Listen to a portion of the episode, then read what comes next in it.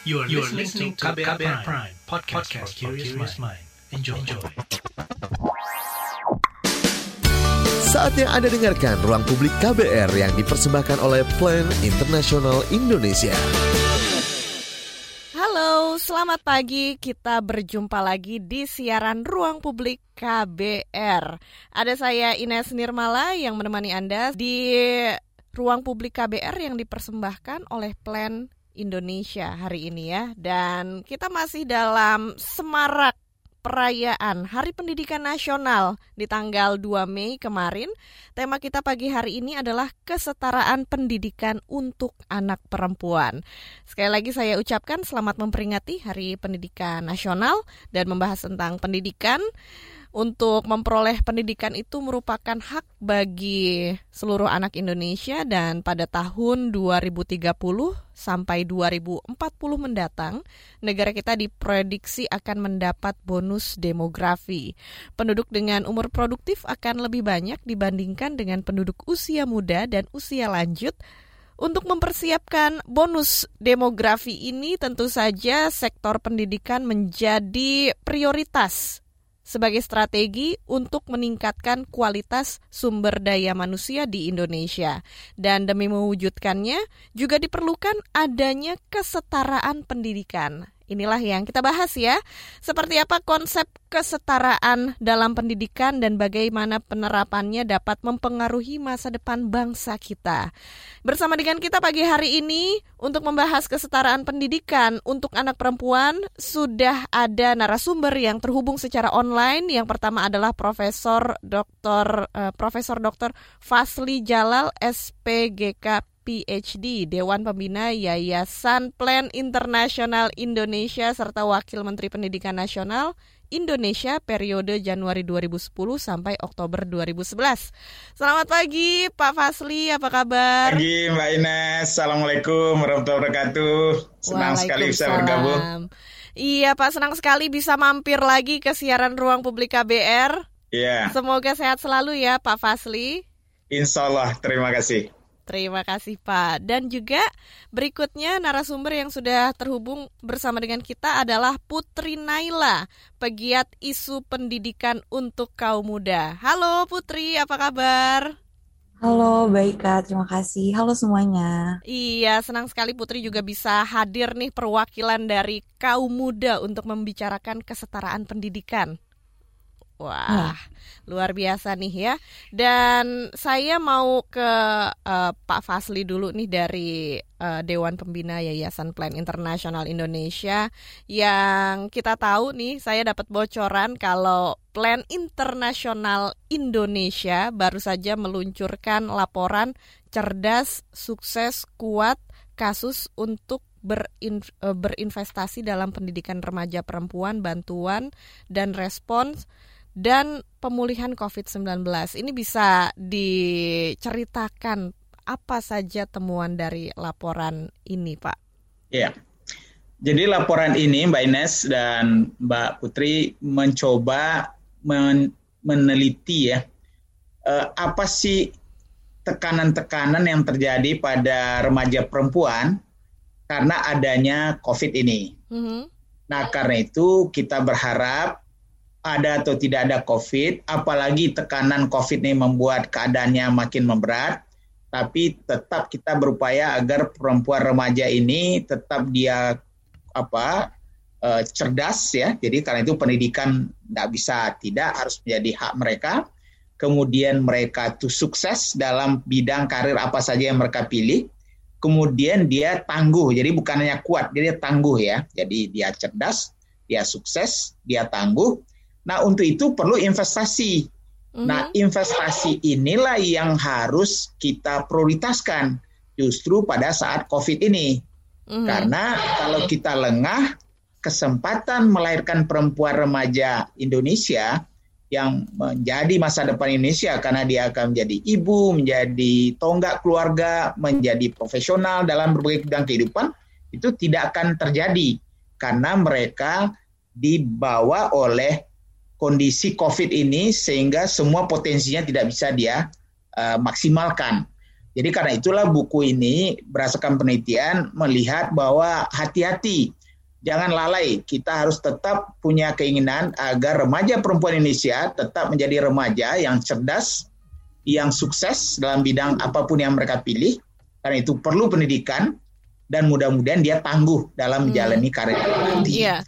Itu tujuannya daripada penelitian ini dan penelitian ini dilakukan di tiga negara, tapi sebenarnya merepresentasikan Asia Timur dan Pasifik, tapi sampelnya adalah negara Indonesia, Vietnam, dan Kiribati di Kepulauan mm. Pasifik ya. Mm. Nah dari studi itu ada beberapa hasil, Mbak Ines ya. Yeah. Pertama, uh, memang uh, ada tekanan kepada keluarga ya, dan termasuk juga akibatnya tekanan pada anak perempuan karena COVID ini. Jadi keluarga ada yang kehilangan pekerjaan, ada yang menurun pendapatannya, ada yang tempatnya terlalu sempit-sempit. Kalau dulu mereka banyak di luar, sekarang semua berada di rumah karena pembatasan dan tidak boleh uh, bersekolah lagi secara uh, offline ya. Kita belajar digital. Jadi stres ini mempengaruhi pada perempuan, mempengaruhi pada uh, keluarga sendiri, kemudian mengalir kepada perempuan, perempuan remaja dan perempuan yang lain, anak-anak perempuan.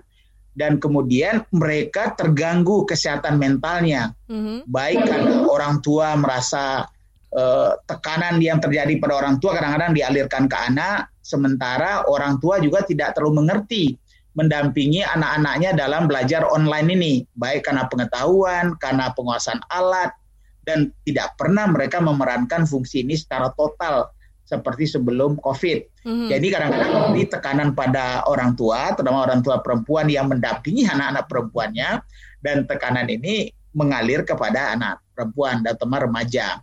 Dan dan karena itu juga akses mereka terhadap pendidikan jarak jauh juga tidak sama. Ada keluarga-keluarga yang anak perempuannya menikmati semua. Ada listrik, mm-hmm. ada konektivitas, ada biaya untuk membeli paket, ada alat, ada pengetahuan untuk menggunakan komplit lah di yeah. rumahnya juga ada kamar segala macam. Sementara ada anak-anak yang listrik nggak ada, akibatnya konektivitas nggak terjadi. Kadang-kadang ada listrik, ada konektivitas, nggak mampu bayar. Iya. Yeah. Kan? Kadang-kadang ada listrik, ada konektivitas, mampu bayar, gadgetnya nggak ada. Gadgetnya hanya satu di rumah, dipakai oleh bapak. Sementara ada tiga anak menunggu giliran dan kemudian juga kalau punya gadget kadang-kadang karena ini baru mereka belum menguasai teknologi mem memanfaatkan gadget itu. Iya. Jadi kemudian, memang banyak tekanan ya Pak ya untuk anak perempuan ya. dari akses dia untuk mendapatkan uh, teknologi yang setara itu juga terganggu. Nah, akibatnya mereka terancam 1,2 juta itu terancam putus sekolah.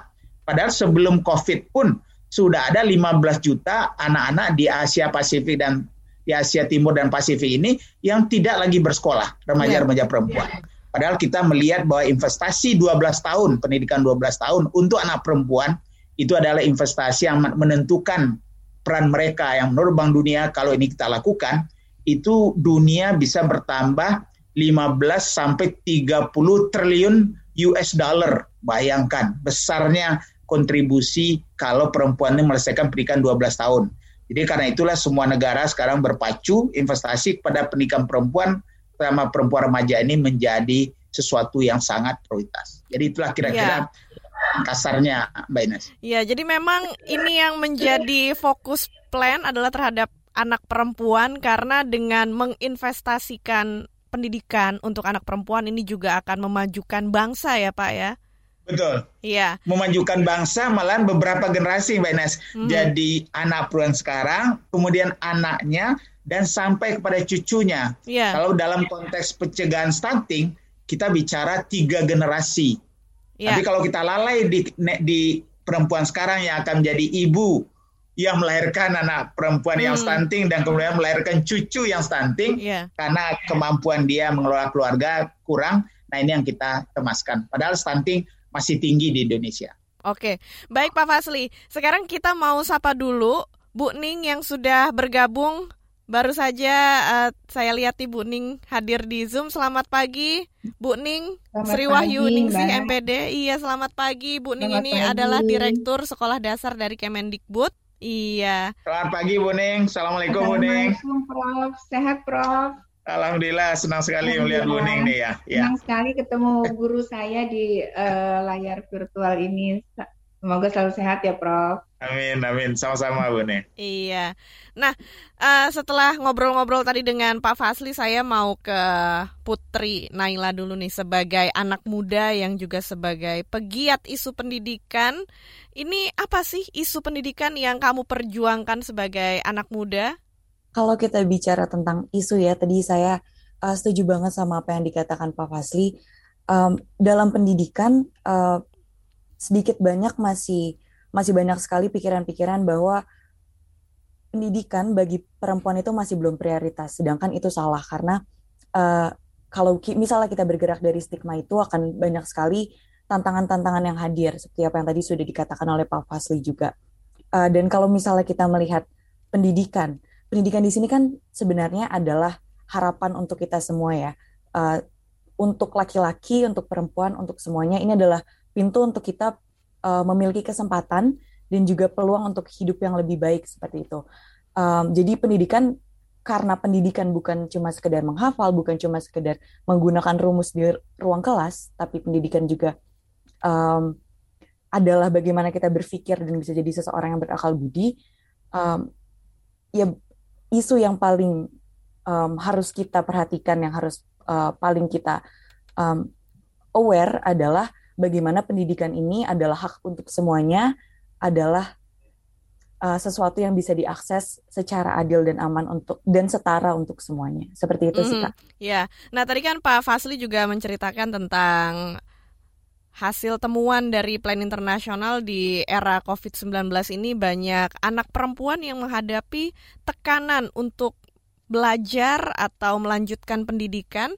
Kalau kamu sendiri, apa yang kamu rasakan nih dalam menempuh pendidikan, khususnya di masa pandemi COVID-19 dengan pelajaran yang modelnya berubah gitu ya, jarak jauh. Ini gimana uh, dampaknya buat kamu sendiri? Ah, baik, kalau misalnya kita bicara tentang uh, pendidikan di saat pandemi ya kak, kalau misalnya hmm. kita bicara tentang pandemi kan banyak sekali perubahan yang terjadi uh, gitu. Terutama uh, di dalam pendidikan yang kita jalani sehari-hari. Dan menurut aku tantangan tantangan-tantangan yang hadir adalah karena kita harus beradaptasi dengan perubahan itu. Sedangkan kemampuan setiap anak untuk beradaptasi juga berbeda-beda. Kalau aku bicara mengenai diri aku sendiri mm. uh, aku uh, sebenarnya merasa beruntung karena aku masih punya privilege uh, dalam masalah kemauan dan support terhadap pendidikan gitu. Hmm, disupport uh, tapi, oleh keluarga dan orang tua ya pasti. Betul betul. Uh, maksudnya aku punya lingkungan yang kondusif untuk aku menempuh pendidikanku. Sedangkan uh, lagi kondisi orang beda-beda, latar belakangnya beda-beda. Uh, mungkin ada yang kemampuan untuk beradaptasi di perubahan ini akan menjadi lebih susah daripada yang lainnya, begitu. Hmm. Kalau di aku sendiri, um, kesulitan uh, dalam menjalani pendidikan di saat pandemi adalah um, ada beberapa hal atau aspek dalam pendidikan yang sekarang jadi mungkin aku uh, bisa katakan cukup abu-abu. Kenapa gitu? Karena um, di adaptasi ini semuanya masih berubah. Um, ada beberapa yang jadi kurang efektif, entah itu metode pengajarannya, uh, beban-beban tugas-tugasnya, bagaimana uh, kita harus bisa um, mengolah pendidikan itu di jarak yang jauh. Mungkin mm -hmm ada ada bagian ada aspek-aspek yang masih abu-abu gitu dalam pendidikan walaupun sekarang pandeminya sudah udah udah lebih dari satu tahun gitu. Yeah. Tapi ya di lain sisi aku juga bisa bilang sih semenjak pandemi ini aku rasa banyak juga anak-anak muda yang lebih sadar tentang isu-isu yang terjadi, mm. lebih sadar tentang pentingnya pendidikan, lebih banyak gerakan-gerakan dan komunitas anak muda uh, yang mungkin uh, lebih kurang bisa membantu beban-beban dari adanya pendidik uh, dari pendidikan selama pandemi ini. Iya. Oke. Okay. Nah, sekarang saya mau ke Bu Ning membicarakan tentang tema kita pagi hari ini seputar kesetaraan pendidikan. Kalau dari Kemendikbud sendiri, Bu Ning, apa yang menjadi perhatian terkait kesetaraan gender dalam dunia pendidikan? Baik, terkait dengan apa yang menjadi konsen Kemdikbud dalam kesetaraan gender dalam pendidikan, khususnya pada pendidikan dasar dan menengah, berangkat dari Renstra Kementerian Pendidikan dan Kebudayaan tahun 2020-2024 bahwa salah satu tujuan eh, Renstra dimaksud adalah perluasan akses pendidikan bermutu bagi peserta didik yang berkeadilan dan inklusif.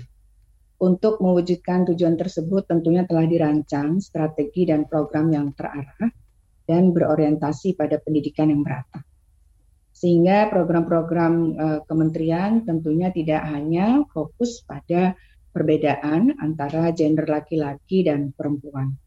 Semua peserta didik uh, maupun tenaga pendidik di mata kami adalah setara dan telah memiliki hak yang sama untuk mendapatkan akses pendidikan.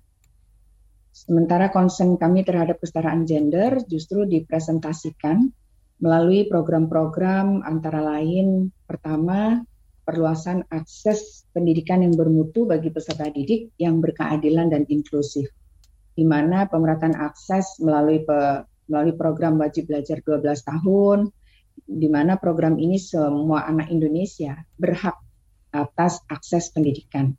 Dan yang lebih spesifik kita dapat lihat melalui kebijakan PPDB tidak ada ketentuan rasio jumlah murid laki-laki maupun perempuan yang dibatasi. Semua berhak mendapatkan layanan pendidikan. Kemudian yang kedua, penguatan pengembangan terhadap peserta didik yang eh, karakter menjadi yang utama saat ini adalah salah satu strategi yang terus dilakukan Kementerian Pendidikan dan Kebudayaan untuk membentuk karakter peserta didik uh, dalam memberikan pendidikan yang berkeadilan dengan tidak melakukan perbedaan uh, baik gender laki-laki maupun perempuan. Selanjutnya uh, terkait dengan kebijakan Merdeka Belajar. Tentunya ini merupakan perubahan yang diusung dari Merdeka Belajar di mana transformasi uh, terjadinya transformasi terhadap ekosistem pendidikan, terhadap guru itu sendiri, terhadap pedagogiknya, kemudian kurikulum serta sistem penilaian itu sendiri. Dari perubahan yang diusung ke terhadap lima aspek tersebut, ini tentunya me, um, sebagai respon positif dari keterbukaan Kementerian Pendidikan dan Kebudayaan dalam mendukung partisipasi, kesetaraan, keterlibatan aktif masyarakat dan dalam membentuk suasana sekolah yang non diskriminatif. Yeah karena layanan pendidikan harus inklusif ya Mbak. Yang yeah. keempat terkait dengan kurikulum, pembinaan terus dilakukan dalam implementasi kurikulum di mana dalam tataran praktik di sekolah perlu pembinaan agar tidak terjadi bias gender. Mm-hmm, uh, yeah. Antara lain terhadap pemanfaatan penggunaan simbol-simbol, simbol-simbol, gambar, ilustrasi dan tidak menunjukkan yang tidak menunjukkan diskriminasi. Selanjutnya terkait dengan yang selalu Mas Menteri sampaikan terhadap penghapusan tiga dosa. Tentunya ini juga diamanatkan uh, Menteri Pendidikan dan Kebudayaan sebagai upaya mempertahankan dan meningkatkan partisipasi perempuan dalam dunia pendidikan itu sendiri. Iya. Kira-kira seperti itu. Baik, Bu Ning. Uh, kita akan jeda dulu sejenak ya. Untuk Pak Fasli dan Putri kita juga akan lanjutkan setelah jeda yang berikut ini. Masih Anda dengarkan Ruang Publik KBR yang dipersembahkan oleh Plan Internasional Indonesia. Commercial break. Commercial break. Commercial break. Ya, ada lagu ini pula buat rindu kampung ini. Ah, nelfon mama ah. Apa kabar dia nih ya? Eh, Tigor, lagi di mana kau? Di kosan, Mak. Mama apa kabar? Kuliahmu udah libur kan? Pulanglah kau nak, di kampung aja. Nanti kau keluar-keluar kena pula sakit si Corina itu. Eh, siapa namanya itu? Corona kan? Corona betul ya? Eh, ditanya kabar malah panjang mama ini jawab. Nggak boleh pulang, Mak. Kan pemerintah juga menganjurkan untuk tidak ke mana-mana, apalagi mudik atau pulang kampung. Kalau di jalan kena virusnya, terus bawa ke kampung gimana? Bandel kali kau. Di kampung mana ada corona? Mama sehat-sehat aja loh ini. Bukan begitu, Mak. Orang tua itu kan paling rentan nih kena virusnya. Jadi diam-diam aja di rumah ya, biar cepat selesai masalah corona ini. Bangga kali Mama sama kau Tigor. Gak salah Mama sekolahkan kau jauh-jauh ke Jakarta, Amang. Jadi tenang Mama di sini. Sehat-sehat ya anakku, Amang. Iya, Mak. Mama juga ya. Tetap aman di rumah bersama media lawan COVID-19. Masih Anda dengarkan Ruang Publik KBR yang dipersembahkan oleh Plan Internasional Indonesia. Kita kembali lagi di siaran Ruang Publik KBR yang kita bahas pagi hari ini temanya adalah kesetaraan pendidikan untuk anak perempuan dan siaran hari ini dipersembahkan oleh Plan Indonesia. Masih bersama dengan saya Ines Nirmala dan juga narasumber yang terhubung secara online ada Profesor Fasli Jalal Dewan Pembina Yayasan Plan Internasional Indonesia, Bu Ning Sri Wahyuningsih MPD, Direktur Sekolah Dasar dari Kementerian Pendidikan dan Kebudayaan Republik Indonesia Kemendikbud, serta Putri Naila, pegiat isu pendidikan untuk kaum muda. Sekarang sudah ada pendengar kita yang bergabung lewat WhatsApp, saya bacakan ya. Ada pertanyaan untuk Pak Fasli dari Sarah di Bandung. Tadi Pak Fasli menyebutkan di masa pandemi ini ada sekitar 1,2 juta anak perempuan yang terancam putus sekolah Lalu apa yang perlu dilakukan? Seperti apa jalan keluarnya untuk menghadapi hal ini? Iya, eh, pertama eh, mereka memang yang langsung ya uh-huh. adalah bagaimana sekolah-sekolah guru eh, memberikan perhatian agar tidak ada tekanan tambahan dari cara belajar, dari penugasan, kemudian juga dari berbagai eh, respon terhadap kesulitan mereka karena adanya teknologi yang tidak adil tadi, yang tidak sama dimiliki. Kalau di kelas kita kan sama, gurunya hmm. sama, muridnya melihat guru sama-sama, bisa ditepuk-tepuk punggungnya, suasananya kalau ber-AC sama atau tidak ber Jadi di keuntungan kita belajar yang diusahakan oleh Kemdikbud oleh Bu Ning tadi, mm-hmm. bahwa selama ini tidak ada beda akses antara laki-laki dengan perempuan di semua jenjang. Kita yeah. udah mencapai itu uh, malah yang juara-juara itu perempuan. Banyak ya Pak. Ya? Walaupun ya? dalam pemeranan itu belum, yang kepala sekolah masih laki-laki, yeah. yang guru besar masih dominan laki-laki, yang rektor masih laki-laki, yeah. yang eselon satu di Kemdikbud masih laki-laki lebih banyak. Nah ini pemeranan, tapi dari akses itu sudah sama. Nah tinggal mutunya. Nah mutu ini tentu tergantung afirmasi daripada guru dan sekolah terhadap kehususan keunikan perempuan, apalagi di rumah pada waktu online ini uh, Mbak Ines, mm -hmm. itu kalau ada penugasan keluarga, yang pertama disuruh anak perempuan duluan, laki-lakinya. contohnya, enggak. contohnya. Contoh misalnya cuci piring, menyapu oh. apa segala macam. Seakan semua itu lebih pekerjaan domestik di rumah waktu ya. Waktu mereka belajar itu terampas. Hmm. Dan kadang-kadang orang tua nggak sadar. Pada begitu dia menugaskan kepada anak-anak perempuannya yang menurut dia natural, itu dia sebenarnya merampas waktu belajarnya. Nah, ini akan mengganggu cara mereka belajar dan mereka akan terancam. Jadi karena itu di sekolah harus hati-hati, di rumah orang tua harus pandai-pandai bahwa dia tetap melaksanakan fungsi belajarnya. Malah kalau perlu dia didukung didukung. Karena stresnya kadang-kadang lebih tinggi mereka. Jadi kalau gadgetnya pinjamkan pada mereka lebih awal ya. Hmm. Dan kemudian juga yang tidak kalah penting adalah bagaimana anak-anak perempuan itu juga diyakini bahwa kalau dia akan tetap dijaga. Pemerintah menyiapkan kartu Indonesia Pintar, menjangkau mereka. Kalau mereka bisa menjaga mutu belajarnya, dia bisa mendapat bidik misi di perguruan tinggi. Mm-hmm. Jadi dia nanti kawinnya pasti sudah lewat umur 20, yeah. malah berkarir. Yeah. Ini harus diupayakan. Jadi beasiswa, mencegah digital divide tadi, kemudian bagaimana keluarga lebih ramah terhadap perhatian pada anak perempuan dan sekolah. Nah, mudah-mudahan kombinasi ini Sarah ini bisa membuat mereka yang biasanya cenderung terancam yang pertama, apalagi kadang-kadang putusan keluarga di uh, Putri tadi katakan iya. kadang-kadang ya. ya kalau ada dua pilihan satu anak laki-laki satu anak perempuan untuk melanjutkan sekolah karena COVID, nah yang didahulukan anak laki-laki. Padahal investasi pada anak perempuan menurut saya justru lebih penting. Nah mungkin ini Mbak Ning, mungkin kartu Indonesia Pintar kita dalam respons COVID ini untuk pendidikan menengah diafirmasikan ke yang perempuan, terutama perempuan-perempuan yang juga bersekolah di vokasi yang memang untuk vokasi teknologi akses mereka tidak terlalu besar. Kalau mereka keluar pula di sana makin rugi kita. Jadi karena itu mungkin jangan dibagi 50-50 antara uh, kartu Indonesia Pintar itu, tapi berikan uh, afirmasi pada perempuan dan nanti dia disambut dengan bidik misi di perguruan tinggi, berarti dia kalau kawin Mbak Ines mm-hmm. biasanya udah lewat dari umur 20. Iya. Biasanya mereka akan punya anak lebih sedikit karena memang mereka merencanakan keluarga yang bermutu dan income-nya lebih baik.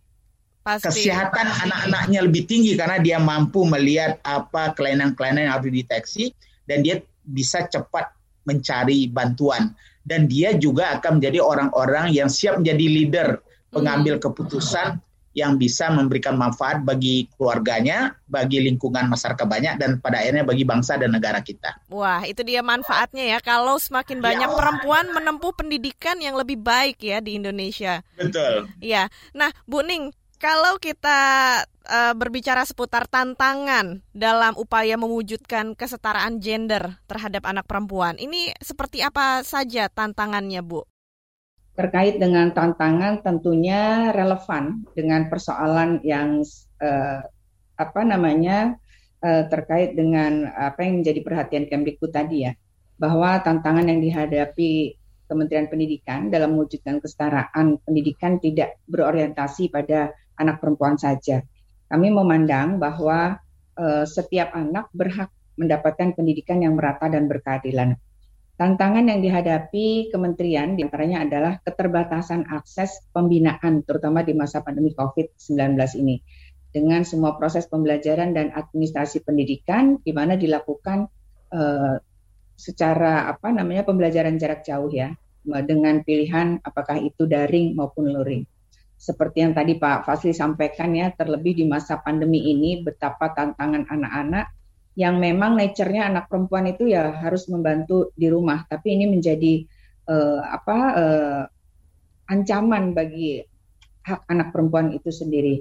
Nah, hal ini tentu menjadi tantangan khusus di mana kami Kementerian Pendidikan juga harus memperbaharui mengupdate terhadap isu-isu dan permasalahan di daerah maupun di sekolah serta uh, terkait dengan akses yang memang sudah terpenuhi, tapi bagaimana peningkatan mutu afirmasi terhadap anak perempuan itu sendiri, kami secara simultan, secara bertahap juga melakukan sinkronisasi terhadap program-program perencanaan yang dilakukan pemerintah daerah, karena memang sekali lagi pengampu pengelolaan pendidikan uh, sesuai dengan undang-undang ini adalah menjadi kewenangan pemerintah daerah. Mm. Sehingga diharapkan dengan sinkronisasi tersebut kebijakan-kebijakan pusat maupun daerah ini dapat teradaptasi, termasuk dalam agenda menyelaraskan konsep kesetaraan gender hingga level sekolah.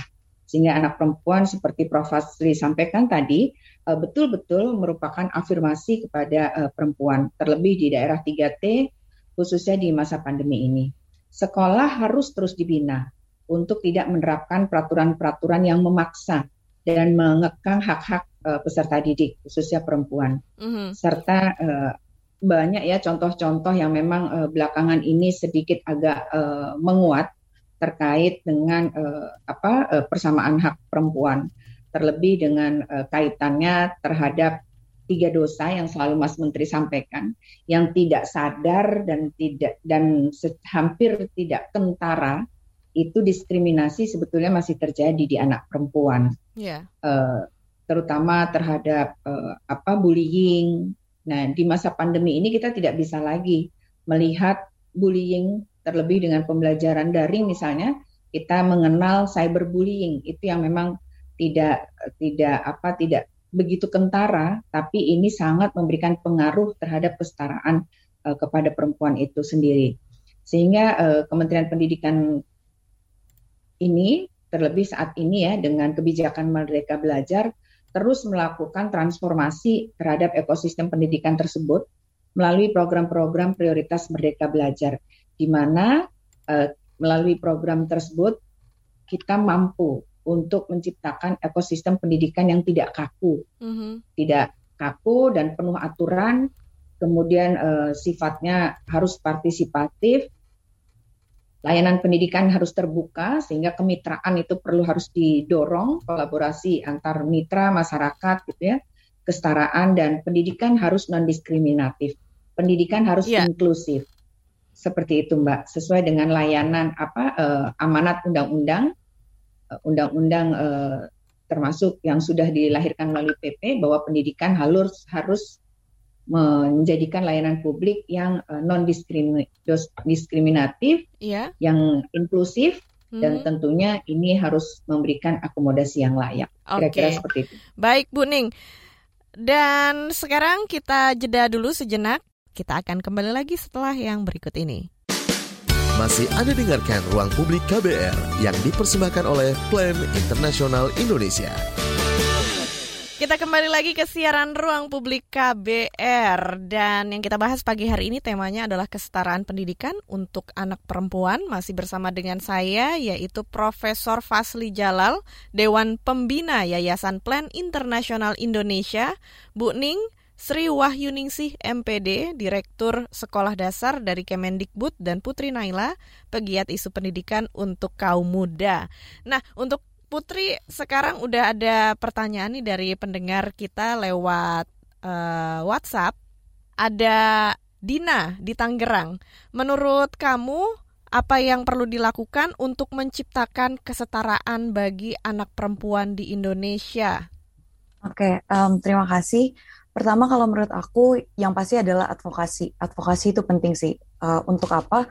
Untuk membangun pemahaman, awareness dari masyarakat. Nah, apa yang dibangun, apa yang harus diadvokasikan, yaitu stigma-stigma yang ada di masyarakat. Pertama tentang um, peran kita sebagai anak muda yang punya kewajiban dan hak untuk belajar, uh, di mana peran ini harusnya tidak terbatasi oleh uh, gender atau kelompok atau um, apa pun itu dan kedua juga uh, kita harus mengadvokasikan tentang urgensi dari pendidikan itu sendiri. Apa sih esensi pendidikan? Kenapa kita um, harus um, menganyam pendidikan seperti itu?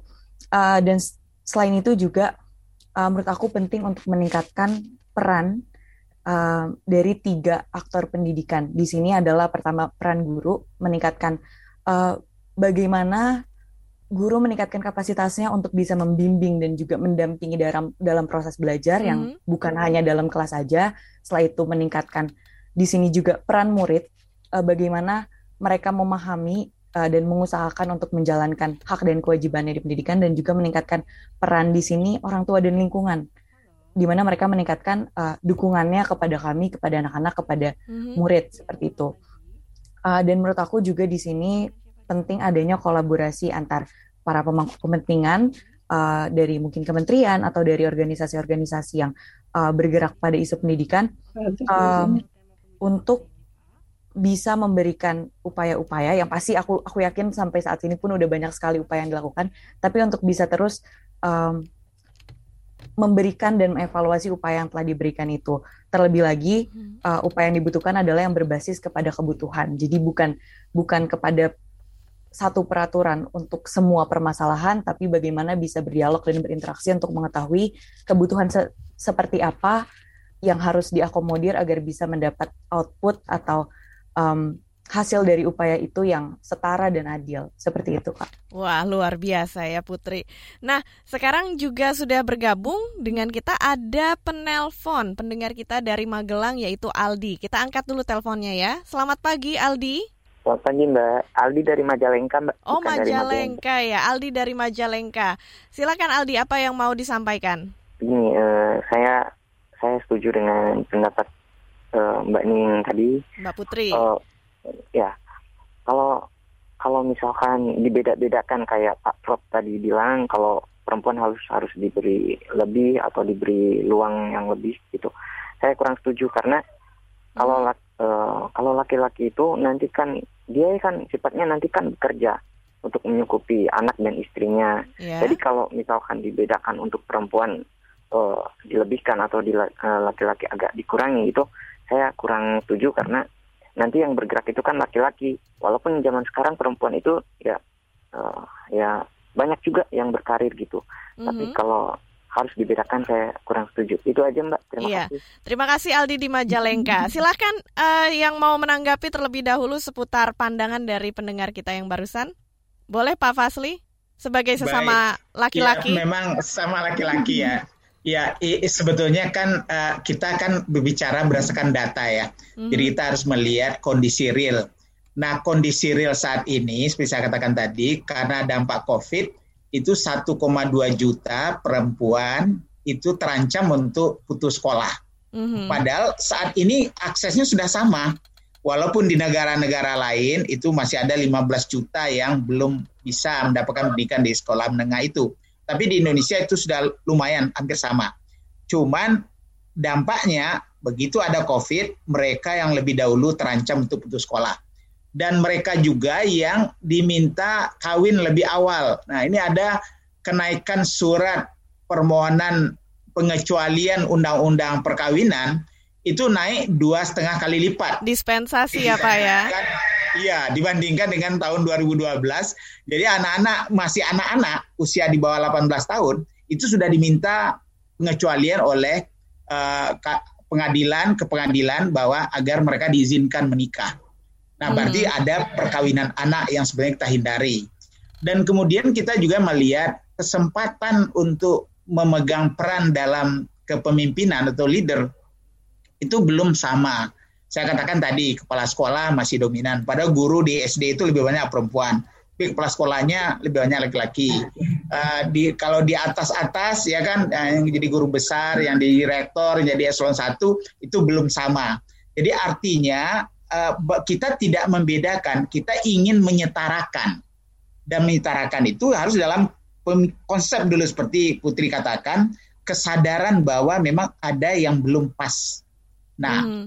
karena yang cita-cita ideal kita adalah contoh misalnya tadi uh, Mbak Ines mengatakan dalam konteks bonus demografi. Hmm. Sekarang walaupun perempuan pendidikannya lebih tinggi dan lebih prestasinya lebih baik dari laki-laki dalam pendidikan, tetapi tingkat angkatan kerja, tingkat partisipasi perempuan untuk bekerja itu jauh lebih rendah. Kalau laki-laki 80% dari usia kerja itu bekerja, ya kan, laki-laki. Perempuan hanya 50%, sekitar 50%. Ya. Padahal kalau kita memanfaatkan bonus demografi, kita harus menaikkan ya kalau tidak sama 80% separuh aja lah. Jadi perbedaan 30% jadi 65%. Itu kita harus memberikan kesempatan 15 juta kepada perempuan dengan yeah. pendidikan yang sudah baik tadi yeah. untuk bisa punya akses bekerja. Dan contoh uh, Ibu Menteri uh, Keuangan memberikan kesempatan satu hari fungsi dia sebagai Menteri Pendidikan mm-hmm. itu digantikan oleh anak-anak yeah. anak perempuan yeah. kita. Juga DPR dan kemarin 50 anak-anak uh, dari berbagai daerah, anak-anak perempuan berbagai daerah itu dipertemukan langsung dengan Menteri Pendidikan Nasional Mas Nadiem untuk mendengar apa sih keseharian mereka yang mereka hadapi. Jadi ini kita bicara berdasarkan angka dan dalam buku-buku penelitian ini itu nampak sekali bahwa nampaknya seakan-akan sudah setara, tapi karena COVID ternyata baru kita sadar bahwa banyak hal-hal yang masih menjadi pekerjaan rumah kita. Ya. Jadi terima kasih ini uh, Aldi bahwa pendapat Aldi juga ada benar seakan-akan jangan sampai nanti laki-laki didiskriminasikan tidak. Cuman kita menuju kesetaraan yang real antara laki-laki dan perempuan. Iya. Terima kasih. Memberi ruang bagi perempuan dalam menempuh pendidikan bukan berarti laki-laki dikurangi ya Pak ya. Bukan. Iya, ya, tapi bukan. disetarakan laki -laki antara laki-laki dengan perempuan. Betul sekali. Iya. Ya. Baik, kita akan lanjut lagi ya setelah jeda di siaran Ruang Publik KBR. Kita akan kembali lagi setelah yang berikut ini.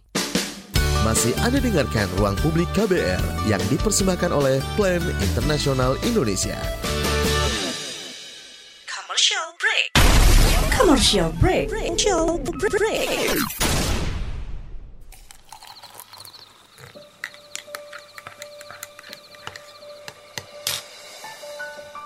Hai, kamu apa kabar? Masih suka menikmati senja dan kopi? Aku masih ingat kebiasaan kita.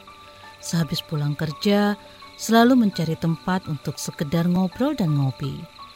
Tapi kadang kita kehabisan bahan obrolan. Aku masih melakukan hal yang sama sampai sekarang tanpa harus takut habis bahan buat ngobrol. Karena aku selalu mendengarkan KBR sore dari Senin sampai Jumat jam 4 sore. Ah, aku rindu. KBR Inspiratif Terpercaya Masih Anda dengarkan Ruang Publik KBR yang dipersembahkan oleh Plan Internasional Indonesia. Kita masuk ke bagian terakhir Ruang Publik KBR yang dipersembahkan oleh Plan Indonesia membahas seputar kesetaraan pendidikan untuk anak perempuan. Dan masih bersama dengan kita ada Profesor Fasli Jalal, Dewan Pembina Yayasan Plan Internasional Indonesia. Dan juga ada Bu Ning Sri Wahyuningsih MPD, Direktur Sekolah Dasar dari Kemendikbud dan Putri Naila, pegiat isu pendidikan untuk kaum muda. Siaran Ruang Publik KBR juga bisa Anda simak di 100 radio jaringan di seluruh Indonesia dan di Jakarta lewat 104,2 MS3 FM. Nah, Putri, tadi uh, kelihatannya Putri udah senyum-senyum nih ya ketika ada pendengar kita yang barusan membicarakan seputar uh, kalau laki-laki kan ini harus bekerja nantinya dan perempuan uh, dibanding laki-laki ternyata memang uh, berdasarkan uh, data ya Pak Fasli tadi menyebutkan partisipasi perempuan untuk bekerja itu lebih rendah dibanding laki-laki. Nah, kalau dari Naila sendiri apa yang mau disampaikan atau uh, bisa kasih tahu juga ke kita apa yang terjadi kalau misalnya perempuan, anak perempuan ini diberikan akses pendidikan yang lebih uh, baik lagi? Bagaimana? Baik, um, terima kasih. Jadi sebenarnya ini, kalau pertama kalau kita bicara tentang pendidikan dalam subjek bidang pendidikan, lihat kami uh, subjeknya itu adalah sebagai pelajar, bukan sebagai siswa dan siswi. Maksudnya uh, bagaimana ya kesempatan yang ada uh, di dalam atau di luar kelas uh, itu harusnya sama aksesnya dan semua uh, segala peluang-peluang yang diberikan, entah itu um, saat di kelas berdiskusi atau di luar ada organisasi-organisasi itu harusnya sama uh, dan mungkin uh, kenapa kenapa banyak yang lebih dibicarakan adalah kesetaraan untuk perempuan karena sampai saat ini stigma-stigma negatifnya banyak yang melingkupi perempuan di mana stigma-stigma itu justru mematahkan semangat-semangat perempuan ini yang sebelum mereka mencoba pun um, banyak sekali banyak sekali yang yang bikin mereka meragukan diri mereka sendiri. Menurut aku itu juga menjadi alasan salah satu alasan kenapa uh, banyak peran-peran uh, karir-karir yang sampai sekarang masih didominasi oleh laki-laki uh, gitu. Uh, kalau misalnya bicara tentang perempuan dan ketika kita bisa memberikan um, banyak peluang-peluang, kesempatan-kesempatan dan juga um, upaya-upaya untuk menyetarakan itu, aku percaya banyak sekali perempuan uh, perempuan-perempuan yang luar biasa yang um, sama luar, luar biasanya dengan laki-laki yang um, mungkin nantinya bukan hanya membantu um, kesejahteraan mereka sebagai perempuan dan per, uh, perempuan lainnya, tapi juga kesejahteraan lingkungan di mana mereka berada gitu. Uh, perempu, uh, memang benar perempuan punya peran untuk ada di rumah untuk melakukan um, tugas domestik gitu di di di rumah, tapi perempuan ketika mereka mendapatkan peluang yang besar, mereka bisa lebih dari itu, jauh lebih dari itu, dan aku percaya itu adalah salah satu um, cara uh, salah satu apa yang bisa kita lakukan untuk memastikan nanti di 2045 ya Indonesia benar-benar bisa uh, mencapai generasi emas, bisa mencapai bonus demografi yang uh, kita harapkan. Seperti itu sih Kak. Iya, oke. Baik, terima kasih Putri. Nah, ke Pak Fasli nih, ada pertanyaan juga dari Indah di uh, Jakarta. Ini kalau saya lihat banyak anak perempuan yang pinter di sekolah, cerdas, dapat ranking satu, dapat ranking tiga besar. Tapi uh, kenapa pada saat uh, ruang lingkup pekerjaan banyak uh, perempuan yang tidak me, tidak sampai di posisi atas? Gimana Pak? Bisa dikasih penjelasannya? Uh, sesudah akses kita berikan sama ya, dan mereka kan akan mem mem memanifestasikan bagaimana dengan akses yang sama itu mereka juga melihatkan prestasi. Nah ini terbukti perempuan juga banyak yang berprestasi. Tapi pada waktu pilihan-pilihan sudah uh, ada, misalnya mereka berkeluarga, kemudian mereka berembuk suami istri, bagaimana cara memanage keluarga, bagaimana perhatian pada anak, kapan uh, perhatian lebih besar diberikan oleh perempuan, kapan perhatian laki-laki. Nah, dialog-dialog itu kadang-kadang melahirkan keputusan yang membuat sebagian perempuan merasa tugas mereka pada waktu tertentu itu lebih cocok diberikan untuk merawat anak misalnya tanpa hmm. meredam keinginan mereka untuk tetap berkontribusi. Nah, tugas kita adalah kalau mereka multitasking seperti itu, bisakah sistem juga kebijakan membantu mereka untuk tetap bisa berkarir dari rumah? Jadi melalui kontrak-kontrak kerja, bekerja melalui online, apalagi sekarang makin buktikan bahwa kita nggak perlu pergi ke kantor. Kemudian uh, menggunakan uh, uh, teknologi ini untuk marketing, yeah. baik jasa, baik barang. Jadi kalau peluang-peluang itu kita buka dan kita dukungkan kepada perempuan yang memilih tugas pertamanya adalah membangun keluarga dan terutama untuk anak, tapi dia partisipasinya tetap bisa ada. Nah ini yang kadang-kadang kita belum. Kita menduga seakan-akan either or. Kalau ini pilih berarti nggak bisa. Padahal sebetulnya fase-fase pada anak sampai 2 tahun kadang-kadang ada keluarga yang memutuskan dia berikan all out pada anak. Ditumbuh kembang seribu hari pertama. Oke. Okay. Dan itu mulia untuk masa depan, mulia untuk anak, mulia untuk keluarga. Tapi tidak berarti bahwa dia tidak selesai itu dia masih bisa. Atau pada waktu melakukan tugas itu, dia masih bisa melakukan tugas-tugas profesionalnya. Iya. Nah ini saya kira perlu kita siapkan, kita sistemnya ya Pak ya.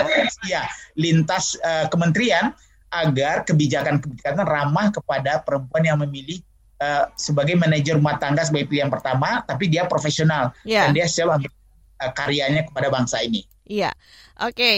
Bu Ning mungkin terakhir ada yang mau disampaikan apa yang uh, menjadi uh, pesan dari Kemendikbud untuk mendorong kesetaraan bagi anak perempuan dalam pendidikan?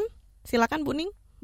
Baik, Mbak Ines, terima kasih. Setuju dengan yang disampaikan Prof. Lastri bahwa uh, diperlukan regulasi ter terhadap keberpihakan uh, kesetaraan itu tadi terhadap perempuan. Dan mengutip dari apa yang disampaikan oleh Mas Menteri bahwa kesetaraan gender di dunia pendidikan ini merupakan salah satu elemen yang turut eh, di mana guru merupakan salah satu elemen yang memiliki peranan penting dalam menggaungkan kesetaraan gender. Terlebih lagi bahwa guru, guru perempuan khususnya, ini ada pada institusi pendidik yang ada pada institusi pendidikan tentunya harus uh, apa uh, keberadaan mereka um, harus kuat dan berani dinilai sebagai cara yang efektif untuk meningkatkan rasa percaya diri para peserta didik. Mm-hmm. Setuju seperti yang disampaikan Mbak Putri tadi bahwa uh, perempuan jangan hanya sebagai siswi tapi juga sebagai pelajar, sebagai peserta didik.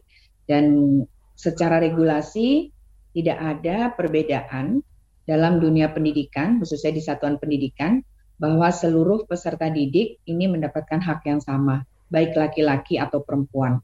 Dan tentunya ketika seorang sosok guru, uh, guru perempuan utamanya yang memiliki uh, figur yang kuat sebagai role model, ini tentunya akan memberikan pengaruh positif kepada eh, pelajar-pelajar uh, putri dalam uh, meningkatkan rasa percaya diri, meningkatkan rasa apa namanya uh, kompetisi ya. yang yang lebih kuat lagi. Kira-kira uh, dalam dunia pendidikan diperlukan guru sebagai role model Betul. untuk memberikan pengaruh positif itu sendiri. Peran guru pendidikan. penting ya untuk ya, kesetaraan karena, gender di sini ya. Betul, karena secara regulasi di uh, dunia pendidikan uh, di seluruh jenjang satuan ya. pendidikan memang tidak membedakan antara laki-laki dan perempuan. Baik, terima kasih Bu Ning.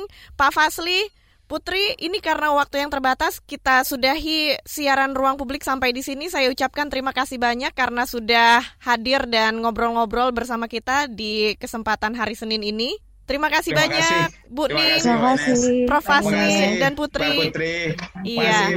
Dan untuk Anda yang uh, sudah mendengarkan siaran ini, saya ucapkan terima kasih banyak dan kita akhiri sampai di sini Ruang Publik KBR. Terima kasih atas kebersamaan Anda. Saya Ines Nirmala pamit undur diri. Salam. Baru saja Anda dengarkan Ruang Publik KBR yang dipersembahkan oleh Plan Internasional Indonesia. KBR Prime, cara asik mendengar berita. KBR Prime, podcast for curious mind.